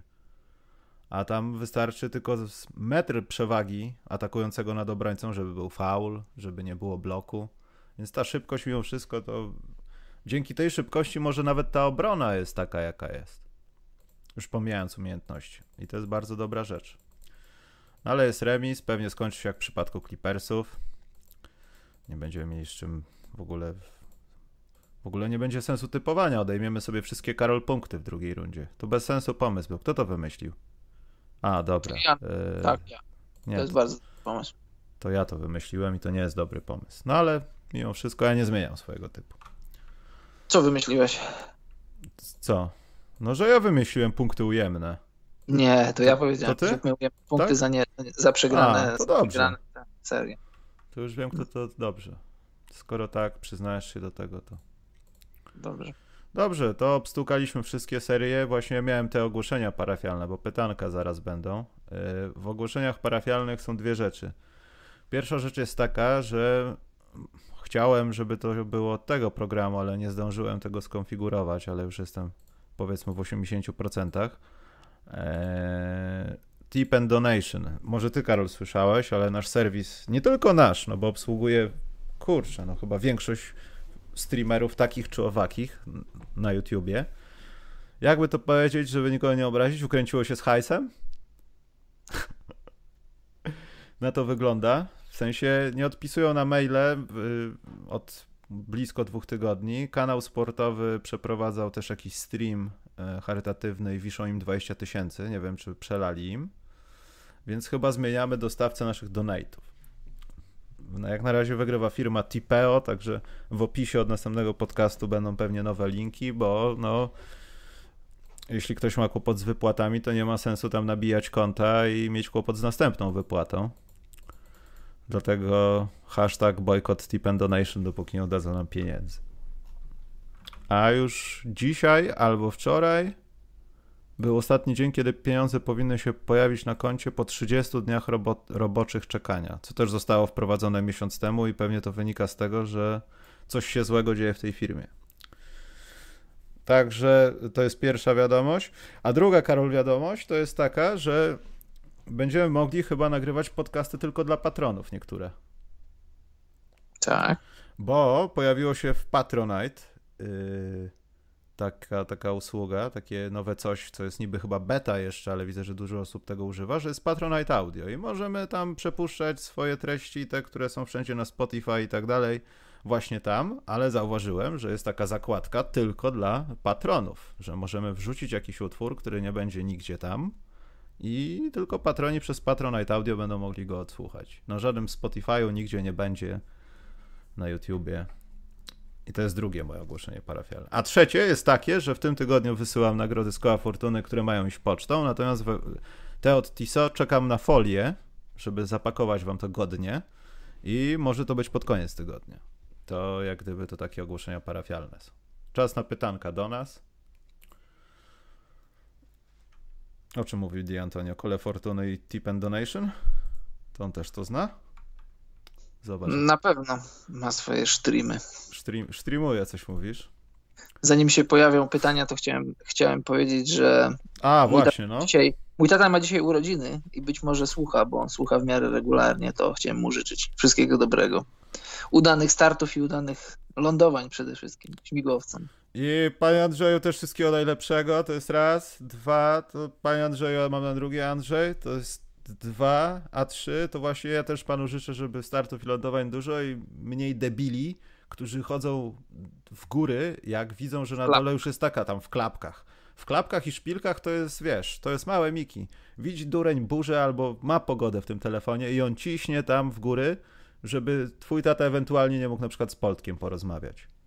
To uważam, że to jest skandaliczne. Tak, albo sobie posiedzieć na komputerze, posłuchać podcastów, to musi lecieć za głupimi ludźmi. No właśnie. A on stwierdził, że zrobi sobie foteczki, krzyż z żelaza, pioruny przez pół świata, debil stoi i jeszcze trzeba po niego leć. No, pff. nie potrafię tego zrozumieć. Ale skoro, poczekaj, to skoro jest taki kącik urodzinowo-życzeniowo-rodzinny, to ja chciałem powiedzieć, że Karol, ja swoim rodzicom chciałbym życzyć na przykład wszystkiego najlepszego, bo mieli ostatnio rocznicę 40 y, ślubu swojego. Ja nie wyobrażam sobie, Brawo, to już solidnie. żeby 40 lat z kimś wytrzymać, nie? To jest naprawdę. Obie strony powinny dostać po aureoli, dlatego gratuluję, podziwiam. 100 lat. Nie, biją się, żyją normalnie ze sobą, nie jest źle, dlatego 40 lat to jest, to jest, to jest hardcore. Same jakieś tutaj życzenia rodzinne i już są pytania kłopoczące, Karol. Czy Tak, Bartku, czy te playoffy mogą pozwolić nam myśleć o tym, że kontrakt Mareja jednak nie jest taki zły, jak na początku się zanosiło? Kiedy się zanosiło, że jego kontrakt jest zły, Karol? nie u nas. To nie, to nie, to nie ma takiego bicia tutaj, panie To w Bart. tych innych podcastach tak mówili pewnie. Tak. A że słuchasz tych innych podcastów, to nie To nasza teraz wina. masz, na, masz, masz namieszane w głowie. Tak, tak. Yy, Nie, ale tak żarty na bok. Wiesz, yy, Marej dostał kontrakt, yy, wprawdzie nie mały, ale to to, co mówiliśmy w przypadku Siakama, na poczet sukcesów przyszłych. Czy one się wydarzą, czy się nie wydarzą, to historia pokazuje, że czasem się opłaca zainwestować w zawodnika na poczet, a czasem się nie opłaca, bo na poczet to oznacza nigdy, bo zawodnik osiądzie na laurach i straci motywację do grania i rozwijania się. Ale nigdy nie było wątpliwości odnośnie Mareja, odnośnie talentu, odnośnie jego umiejętności. E, tamte playoffy pokazały, że właściwie to za tamte playoffy dostał na poczet, a te playoffy pokazują, że, że jest zawodnikiem nie tylko dobrym, że jest zawodnikiem wybitnym. Ja miałem trochę do, dla niego za, do niego zarzut w tym sezonie, że nie, nie doszusował, nie mówię do poziomu All-Star, ale do takiej realnej konwersacji na temat, czy przypadkiem Jamal Murray nie powinien zagrać w All-Star. W tym sezonie tak nie było, nawet nie było tej rozmowy. E, Trzymam za niego kciuki. Znaczy nie aż tak bardzo, bo aż, aż tak bardzo mi to nie zależy, ale lubię patrzeć, jak zawodnicy idą w dobrym kierunku. Te playoffy i tamte też pokazują, że, że Jamal Murray może być bardzo wysoko w hierarchii, w hierarchii dobrych, y, najlepszych, elitarnych obrońców. Czego mu brakuje, to nie wiem, żeby, przez, żeby przenieść to, co przynosi do playoffów, żeby, przenieść na cały sezon. Nie jest to z kolei aż takie proste, bo to jest 82 mecze kontra kilkanaście. No ale, ale tak grający Jamal Murray to są jak najbardziej pieniądze dobrze zainwestowane. A nawet nie tak grający, nawet grający na, ta, na tych 20 czy 19 punktów, to nadal jest, to nadal nie jest powód, żeby mówić, że to są pieniądze źle wydane czy, czy stracone. Wow, ale zapomnieliśmy, Karol, o temacie, ale to zaraz, Tak. bo ja chciałem o Mareju. Ja nie, kompletnie nie odbierałem tego za jakiś tam zły kontrakt. E, Poza tym, no zwróćmy uwagę na to, co, co się działo w tej bańce. To, to jest gość, który potrzebował trochę czasu, żeby tam może dojrzeć do tego wszystkiego i w zasadzie wszedł z marszu do drużyny, do drużyny w której po prostu no, zaczął rządzić. No, ile zajęło mu kwart do tego, żebyśmy widzieli stabilną taką formę, jaką widzimy teraz. No wiadomo, są różne czkawki, u każdego są czkawki w tym Bomblu i w ogóle w prawdziwych playoffach rok temu. Zdarzają się czkawki, ale to jest gość, wchodzi, robi wszystko. Czasami niektórzy go palcem starają się zablokować, albo to robią.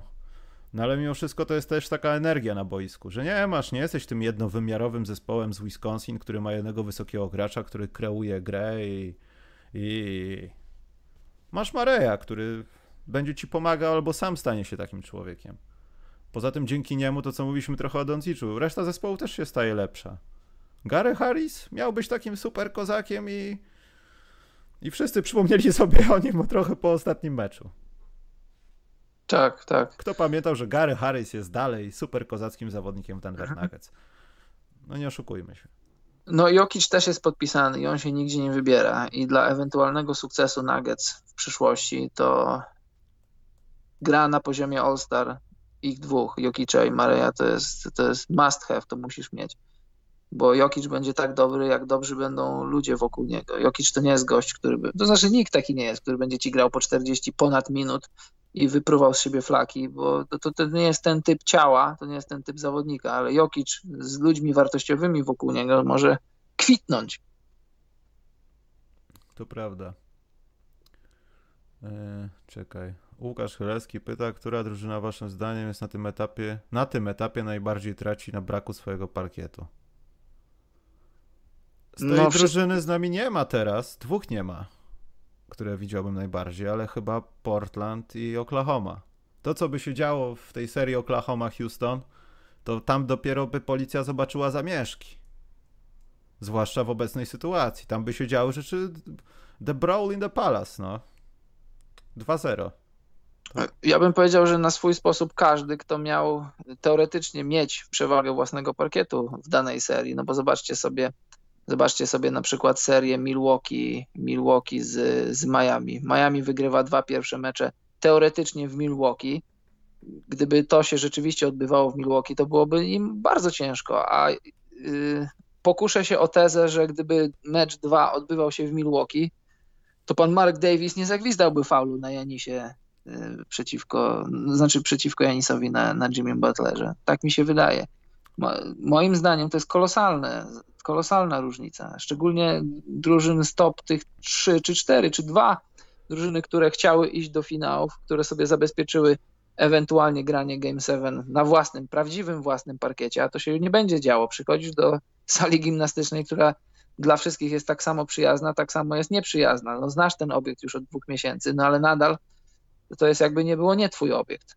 A potem przychodzi do finału konferencji Lakers Clippers i chyba paradoksalnie dobrze to się dzieje w Bomblu, bo i tak by grali w jednej hali. Tam by w ogóle nie było wiadomo, kto jest w domu, a kto nie w domu. No Lakers Clippers to tak specjalnie. by to była, prawdopodobnie będzie, ale, ale pozostałe to tak, to, to ma, moim zdaniem ma, ma duże znaczenie. Wiadomo, że y, to, to, nie jest powód, żeby narzekać i marudzić, że nie mieliśmy tego, dlatego przegrywamy, bo już było dużo czasu, żeby się do tego przyzwyczaić no ale realia takie są, jakie są. No nie jesteś w stanie odtworzyć albo nie jesteś w stanie nie docenić tych 20 tysięcy ludzi krzyczących w trakcie meczu. I jakieś to znaczenie ma dla drużyny przyjezdnej. Hmm. Dekoncentrujące mam na myśli. Czekaj, czy Westbrook dzisiaj znowu będzie miał udar? No, w kwestii dobierania stroju, to myślę, że on ma zawsze udar. Ale a ja bym, a ja bym właśnie apelował, jak apeluję o to, żeby nie, nie jechać po, po, po kim to mówiłem? Po obronie Bostonu, jeśli chodzi o rzut no jak tak samo obrona Houston, tak samo te różne rzeczy, że jest pełno takich, takich stereotypów wokół tej drużyny, no bo takich trochę memicznych, memicznych zawodników trochę się zebrało w tej drużynie, więc rozumiem, że internet tak reaguje, ale Westbrook, pamiętajcie, że Westbrook gra w pewien określony sposób. Westbrook wrócił po COVID-zie, po COVID-zie, być może go, jego ciało odczuło przejście tego wirusa poważniej niż, niż innych zawodników. I trzeba pamiętać też, że, że Westbrook odnalazł swoją tożsamość w Houston. Na początku on się szarpał, drużyna się szarpała z nim w składzie. Miało tak być, że, że wszyscy rzucają, później, później znaleźli świetną formułę. Westbrook ma być Westbrookiem i być może to już się nigdy nie zmieni. Westbrook ma atakować, a ewentualne, przy ewentualnych podwojeniach oddawać piłkę na obwód. I to się działo. To się działo do momentu zamknięcia sezonu. To, to świetnie wyglądało. Rockets wyglądali świetnie. W ostatnich playoffach, znaczy w tych playoffach, przede wszystkim Westbrook ma dopiero ze sobą pięć meczów. Ma, ma naciągnie, miał naciągnięcie mięśnia uda. To jest, to jest duży mięsień, to jest duże, to jest, to jest dosyć poważna kontuzja, bo to wiesz, naciągnięty mięsień, to wydaje mi się, że on nadal to odczuwa. No zwłaszcza ja kiedy tak, jesteś takim mobilnym zawodnikiem. O to chodzi, o to chodzi, więc ja bym tak po Westbrooku nie jechał, bo jest parę rzeczy, które można mu zarzucić, ale nie można mu zarzucić, że, że nie przychodzi na boisko z sercem i nie zostawia wszystkiego.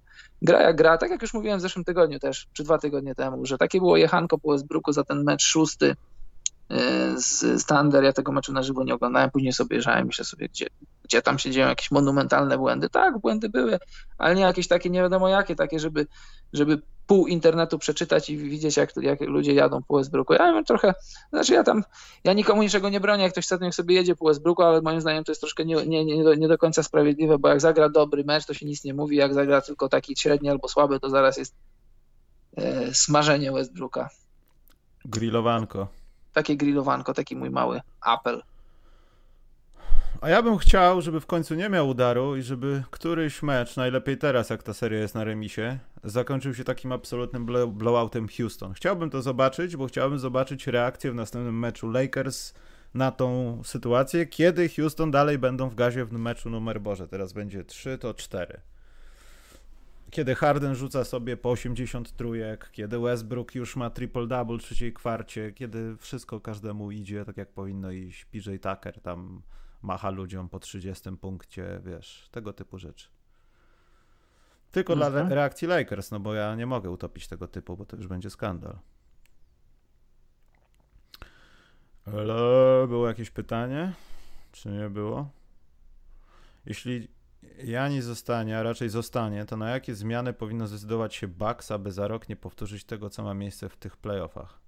Zwolnić Budenholzera, zatrudnić Darwina Hama i to będzie A. E, odświeżenie ławki, B. będzie się idealnie wpisywać w, e, w klimaty polityczne. Odchodzi biały trener, przychodzi czarny, Steven A. Smith. A jest jeszcze, Karol, poczekaj, jest jeszcze inna historia z Derwinem Hamem. Bo ja tak, kiedyś stworzyłem taki artykuł na temat y, Jasona Richardsona, tego od Slam Dunku, potem DJ-owania.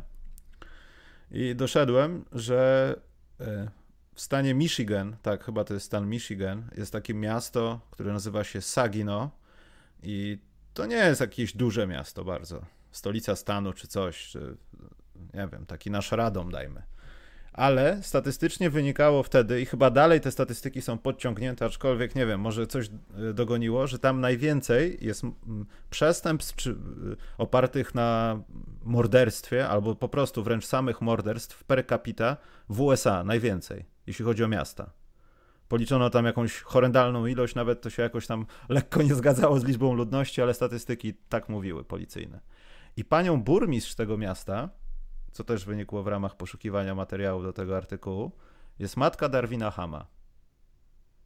O proszę. Pewnie już nie jest, bo to było z 5 lat temu, trochę mniej może i może już jakaś kadencja się tam skończyła, może wybrali ją to na kolejną. Nie wybrali jej na drugą? Nie śledziłem już tego potem, ale wiem z wtedy, że matka Darwina Hama była panią burmistrz tego miasta, które ma największą średnią morderstw per capita w USA. Taka ciekawostka.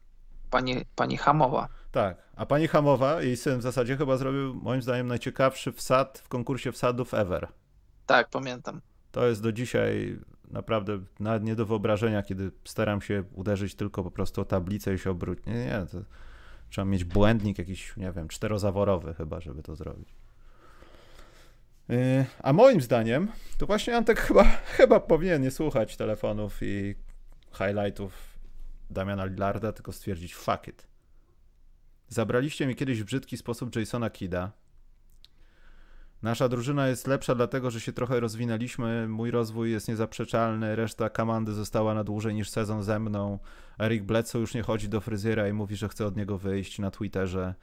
I może to już dość, bo wyście tak naprawdę mi jako właściciele nie przypieli niczego nowego, żadnego, znaczy przypinaliście mi do tej pory same ordery, ale nie dostałem kogoś, z kim mógłbym dzielić chęć zdobywania tych orderów. Chris Middleton to trochę za mało. Ja nie wiem, czy dla Janisa, patrząc na wszystkich tego typu zawodników przez ostatnie ileś tam lat, nie byłoby lepiej, żeby po prostu stwierdzić pieprze to, ja chcę transferu. Nie, to by było najgorsze. Dlaczego? Taki Antek w Toronto albo w Miami?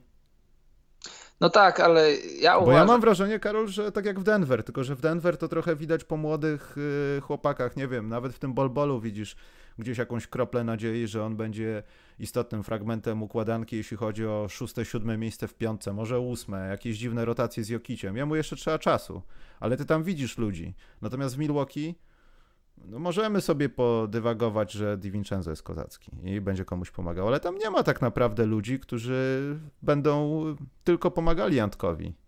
No dobrze, ale Sterling no to co Brown, co? No, ale, ale to co z tego? No to jesteś, ja, ja uważam, to przy okazji odejścia KD mówiłem i pisałem, że jesteś jednym z dziesięciu najlepszych zawodników w NBA, to ty jesteś fundamentem tego domu, to ty nie skaczesz z kwiatka na kwiatek i łączysz się w top, w jakieś tam wielkie trójki czy wielkie czwórki, to ty powinieneś być tym magnesem, który przyciąga zawodników, którzy są, którzy są przystawką do tego, kim ty jesteś. Nagle Janis pójdzie do jakiegoś tam Miami, do Lakers czy gdziekolwiek do Toronto i co on nagle zmieni sposób, w jaki będzie grał. Nadal będzie potrzebował tych Middletonów, którzy będą się nazywać Van Vliet, nadal ale... będzie potrzebował tych Lopezów. Dobrze, będą... Karol, ale Milwaukee ale to nie jest jedna, miejsce, jedna, gdzie pojedzie Russell Westbrook. Zobacz. To nie jest miejsce, to... gdzie pojedzie James Harden. To nie tak, jest ale... miejsce na mapie USA, gdzie pojedzie ktokolwiek z listy najlepszych 50, obecnie 50, 12-15 najlepszych zawodników w NBA, których by chciało Bucks do Antka.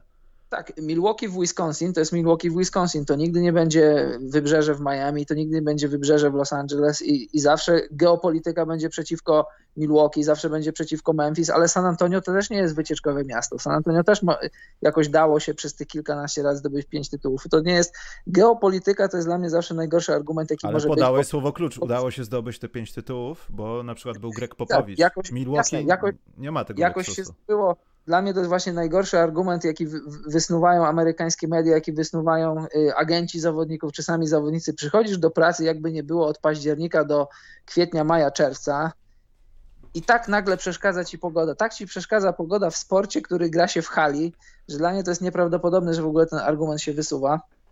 No ale, Karol, ale to jest żyjący argument. To jest argument, który jest powtarzany wielokrotnie przez zawodników jest żyjący, ale to jest bardzo słaby argument, dlatego że zawodnicy, którzy są skądś tam, rzadko kiedy w, off-season mieszkają w mieście, w, w, którym jest ich klub. Zobacz, zazwyczaj zawodnicy trenują sobie w Los Angeles, gdzieś tam w Arizonie, gdzieś tam w Miami, czy gdzieś w miejscach, w których jest ciepło, w miejscach, z których pochodzą. Rzadko zdarza się, że zawodnicy wakacje spędzają w miastach, w których grają. I wiesz, i czy Janis musi, musi odejść. Wcale nie musi, tu stwarza się teraz taką narrację, że nagle jest koniec świata, że co tu teraz będzie, że Janis odpadnie. Janis ma lat 25. Z roku na rok, od kiedy zaczął karierę, przychodzi z czymś nowym, z czymś lepszym. Z, z roku na rok.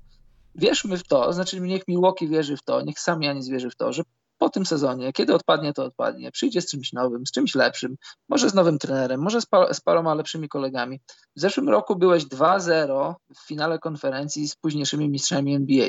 Byliście o, mówię Milwaukee, byliście o, o kilka, kilkanaście usprawnień od tego, żeby pokonać Toronto. Byliście o 2-3 posiadania, żeby zamknąć serię, bo trzeba pamiętać, Milwaukee wygrywało 2-0, ale też w meczu numer 3, który był rozgrywany w Toronto, Toronto wygrało ten mecz po dogrywce dopiero. I tam niewiele brakowało, naprawdę niewiele brakowało, żeby Milwaukee wygrało ten mecz i prawdopodobnie zamknęło serię, bo z 3-0 nikt nie wyszedł jeszcze w historii więc prawdopodobnie to by się wydarzyło. Bucks grający przeciwko Warriors bez KD, grający z Warriors bez później Claya Thompsona, czy, czy wiesz, czy w serii z Bucks dostałby też kontuzji, tego nie wiem, ale mieliby bardzo, bardzo dużo szansy, żeby ostatecznie zdobyć tytuł i wtedy optyka patrzenia na to, co się przez ostatnie lata działo w Milwaukee byłaby y, zgoła inna, że jednak, że jednak ten Bledsoe, że jednak ten Lopez, że jednak ten Budenholzer i ci wszyscy inni jednak nie są tacy źli, jak mogłoby się wydawać. To jest, wiesz, niby parę posiadań, niby parę meczów, niby jedna seria, a całkiem inna, całkiem inna historia, idąca innym torem. Z drugiej strony, Karol, tak myśląc, to no skąd się bierze to pojęcie małego rynku? Ale to jak najbardziej Milwaukee jest małym rynkiem. Skąd ja się mówię... biorą te takie proste sytuacje, że jesteś w Indianie, w Milwaukee? Wiadomo, ja od razu mówię, że to, to, to nie jest y, moja, moja chęć tego, że Antek musi teraz odejść z tej drużyny, ale patrząc na inne przypadki, nie wiem, doczepmy się do Melo, chociaż może to zły przykład, to na dzień dzisiejszy, wiedząc o tym, że być może w Milwaukee nie będzie jakiegoś super tąpnięcia, które poprawi twój stan, tylko niewiele coś tam zmieni, żebyś za sezon miał roz, takie rozterki, że znowu coś się stało i nie jestem w finale konferencji. Nie wiem, czy po prostu dla niego byłoby lepiej. Natomiast wiedząc o tym, jakim jest człowiekiem i patrząc przez te wszystkie lata, jak z lekko introwertycznego człowieka zamienił się w takiego asertywnego człowieka. On nie jest na razie jeszcze w takim super i chyba nigdy nie będzie takim super mainstreamowym gościem, który zachowuje się tak jak nie wiem, no LeBron James czy ktoś taki. E, dla niego te miejsca, gdzie jest dużo aparatów, dużo uwagi i tak dalej, nie są chyba polem zainteresowań. Dlatego Milwaukee jak najbardziej byłoby najlepszym miejscem dla niego, żeby on tam był po prostu do końca swojej kariery, jak nie wiem, Damian Lillard, chociaż jeszcze nie kończy swojej kariery, no ale mimo wszystko prawdopodobieństwo, że tam zostanie jest spore. E, tylko obawiam się, że Milwaukee nie stworzy do tego warunków, no bo jak na razie nie zrobiło te, tych super warunków takich, żeby, żeby to zmienić i to w zasadzie jest podobna sytuacja jak w latach poprzednich, tylko Antek jest lepszy i ci zawodnicy odrobinę stabilniejsi. No i dostali pieniądze. No, Chris Middleton dostał pieniądze, więc musi grać. No to właśnie, no pytanie, czy nie zrobili? No moim zdaniem zrobili, no bo, no jeszcze raz wracając do zeszłego roku, to mogło inaczej wyglądać, a pójdzie Janis do innej drużyny, ta inna drużyna będzie miała, będzie miała tak samo, no tak samo Ale poczekaj, przypomniało mi się skład coś. wokół Janisa. Będzie musieli, będą musieli zbudować skład wokół Janisa i będziesz mógł zatrudnić ewentualnie drugą dodatkową gwiazdę. Czy to będzie lepszy zawodnik od Middletona? Być może tak, być może nie, ale nadal y, struktura budowania drużyny w kwestii sportowej i w kwestii wydawania pieniędzy będzie to wyglądało tak samo, minus Milwaukee plus jakieś tam Miami, coś innego. No, dodając słońce, oczywiście rozumiem, że komuś może się podobać grać w jakimś innym mieście, no ale no, no, albo grasz, żeby sobie popykać, albo grasz, żeby sobie wygrywać. Jeżeli argumentem za tym, żeby nie przyjść do Milwaukee i nie grać u boku Janisa jest to, że w Wisconsin w Milwaukee ci się nie podoba, no to, to y, zadaj sam sobie pytanie, co chcesz osiągnąć w sporcie. Mówię o jakimś tam potencjalnym wolnym agencie, który, który sobie pójdzie do, y, do Miami, bo, bo ma plażę blisko. Znaczy, mnie nikt nie pytał o to, czy chce tam być Karol, także nie wiem. Nie wiem. A ciebie? Do ciebie dzwonili? Jeszcze nie. A, ty mówisz, a, bo ty mówiłeś o koszykarzach, a nie, że. A, nie zrozumiałem. E, ale mam pytanie. Kto, Karol, według ciebie był najlepszym zawodnikiem serii Indiana-Miami po stronie Indiany? To jest pytanie retoryczne. Po stronie Indiany w tym roku? Tak. Nikt. A tak poważnie? A tak poważnie to chcesz powiedzieć, że Brogdon i dlaczego puścili Brogdona? Tak, dlatego puścili Brogdona, bo luxury tax, się z, czyli podatek od wzbogacenia się zbliżał, a jak on by się zbliżył, wiadomo byłoby, że nie moglibyśmy dać, chyba że coś bredze, dużej ilości pieniędzy Antkowi. Ja nie chcę nie, tutaj no szukać masz, zagrożenia. Nie, no, ale, jak masz, ale jak masz swojego macierzystego zawodnika, to, to, to, to się tak nie liczy. To, to nadal by mieli pieniądze na Janisa. No dobrze, to w takim układzie po prostu nie chcieli wydawać pieniędzy na Brogdona. No tak to ujmuj, ujmijmy. No. Nie, nie róbmy podchodów. Moim zdaniem taki Brogdon w tej drużynie, tak grający, byłby tylko i wyłącznie wzmocnieniem. Takich zawodników się nie pozbywasz, nawet jeśli masz przepłacać. Bo ich zawsze łatwiej oddać. I kto wie, czy taki Brogdon, wiem, że Indiana z Miami to mogło być równie dobrze z inną drużyną i to mógł być przypadek i Brogdon to, to nieprawda. Ale mimo wszystko taki gość byłby potrzebny tej drużynie. Nie chcę teraz robić z Brogdona wielkiego free and D, no ale już nawet, że był najlepszym debiutantem w NBA, ale mimo wszystko ten Brogdon byłby potrzebny. Jeśli tak szukają wzmocnień, no to ja bym się nie zdziwił, jakby Antkowi nie starczyło cierpliwości na patrzenie na to. Rozmawialiśmy o sprawie Brogdona w zeszłym roku, czy przy okazji podpisywania kontraktów, czy przy jakiejś innej okazji. I to wyglądało na korzyść właśnie, ja wiem o tym. Tak, i wiesz, biznesowa decyzja. Brogdon to nie jest taki, y, ile on tam jest w NBA, trzeci rok. Czwarty.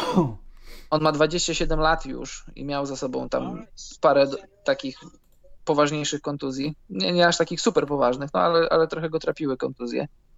I być może Bucks y, doszli do takiego wniosku, że, że to jest trochę za bardzo ryzykowne. Może nie tyle podpisywać z nim kontrakt, co, co podpisywać kontrakt mając na uwadze mając na uwadze jego wiek i jego zdrowie. Ja tu, wiesz, ja tu nie bronię managementu Bucks, bo, bo mi to wisi, kto tam jest w managemencie i kto tam będzie w tej drużynie, ale, ale tak myślę, no dajesz cztery razy po 20 milionów zawodnikowi który, który jak skończy się kontrakt, już będzie po 30. A to jest raptem pierwszy kontrakt taki po debiutanckim sezonie, bo Brogdon przyszedł do NBA już nie jako 19-latek, tylko już, już parę lat miał na karku. Dobrze, Karol, ja szukam jakiegoś rzeczowego pytanka ostatniego zamykającego program. Eee, e, I mam też dla ciebie niespodziankę. Dla ludzi myślę, że nikt tego nie będzie oglądał, nie? Jak poprzednich czterech części. Ale wydaje się, Karol, mi, że chyba będziemy mieli 2K21 Gaming i klucz dam ci po programie. Zadowolony jesteś? Nie. Dlaczego? Dziękuję bardzo.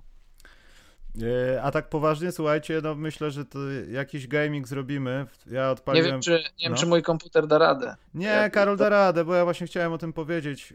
Nie chcę robić swojej reklamy, bo jest kilka rzeczy, które mi się podobają i uważam, że tacy już ultra nerdzi tej gry znajdą tam swoje optimum, ale jeśli chodzi o wymagania, Karol, to tam e, nihil nowi.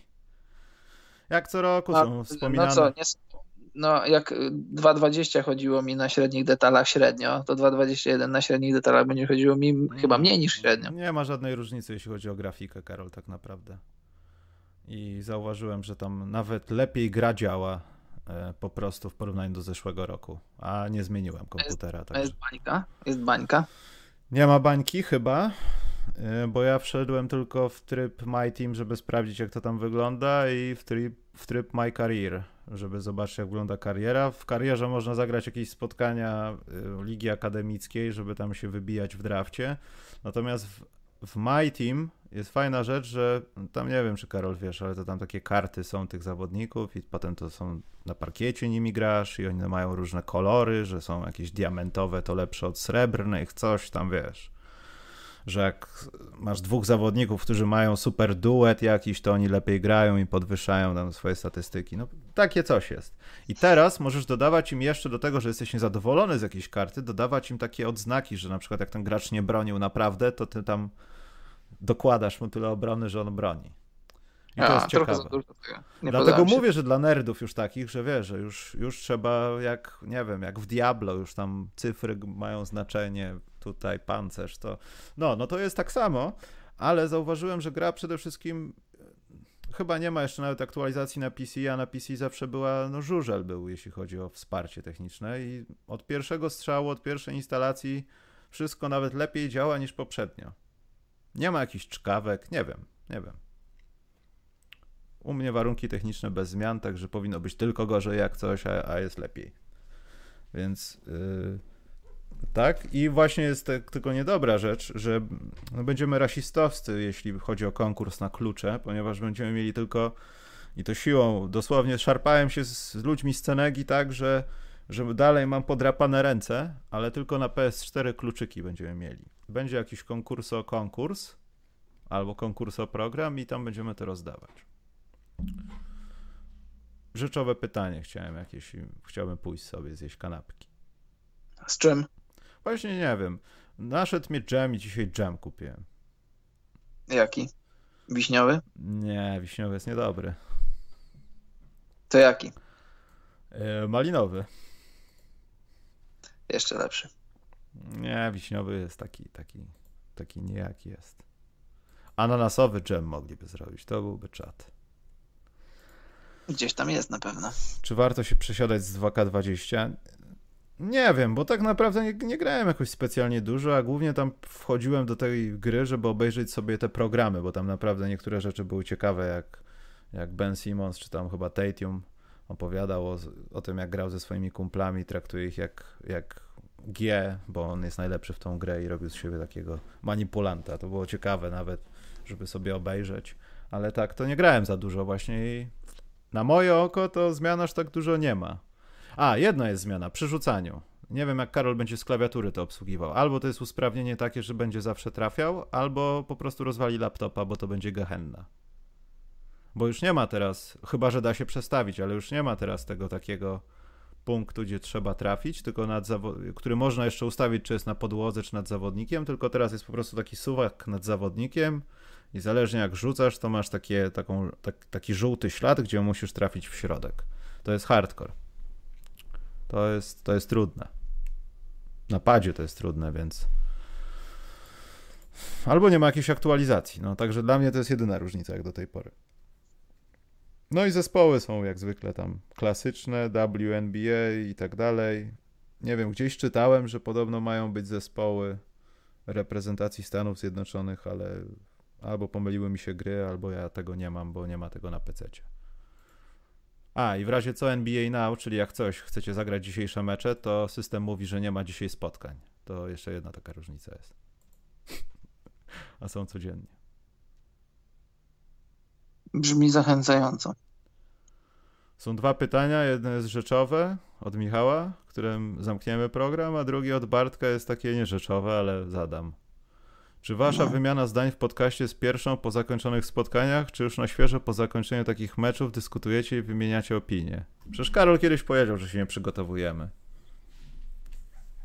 Nie, nie, rozma nie rozmawiamy przed rozmową.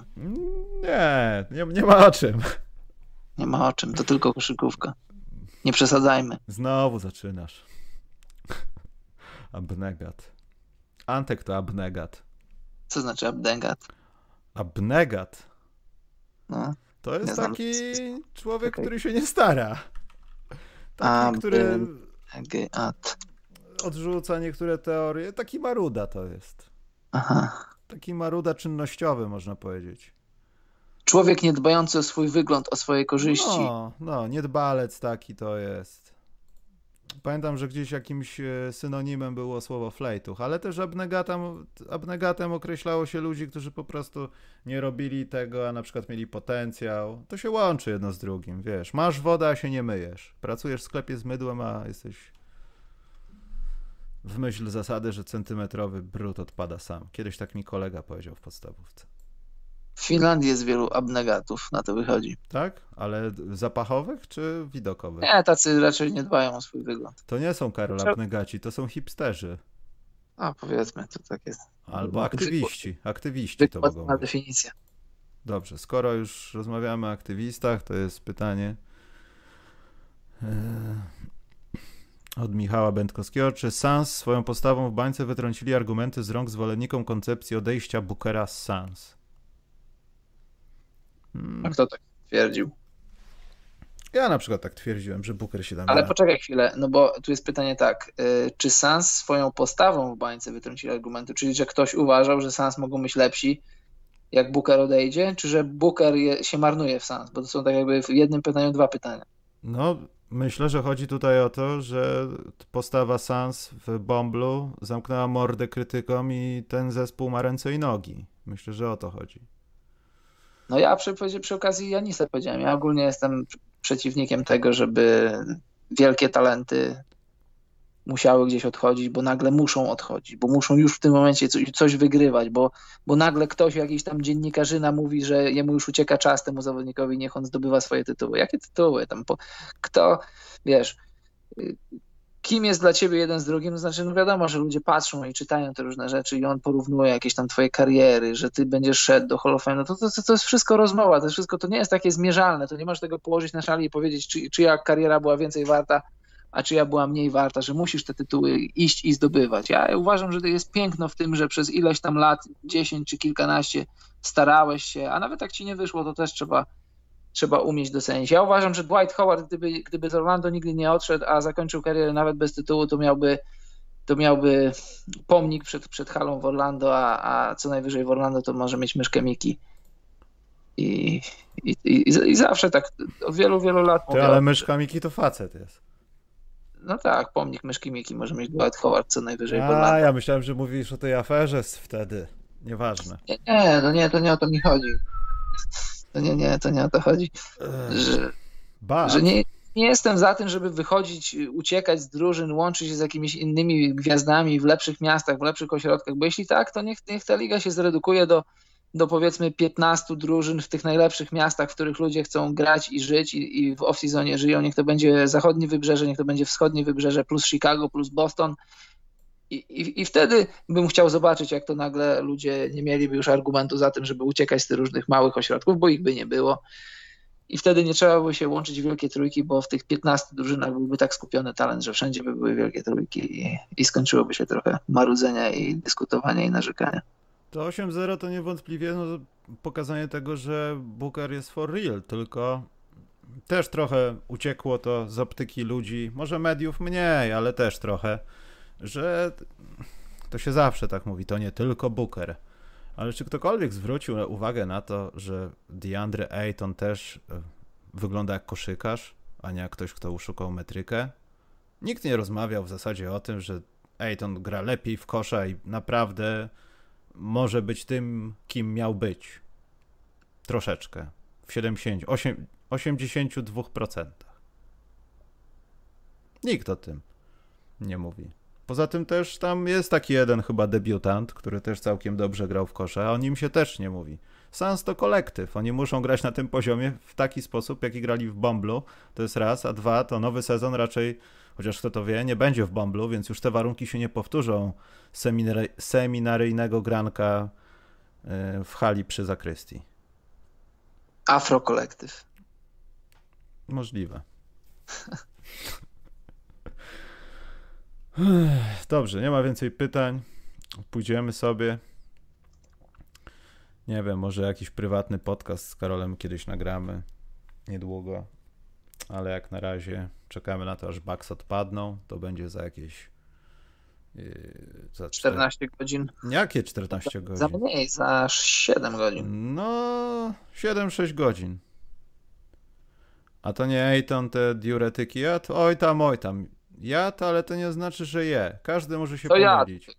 Herbatę moczopędną. A Jody Mix to co?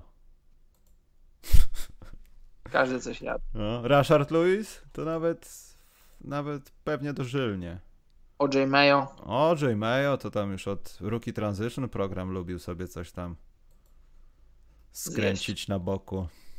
Eee, także tak. Dobrze, Karol, chodźmy. Wszystko powiedzieliśmy o alkoholowym turnieju, który nie jest alkoholowy, było.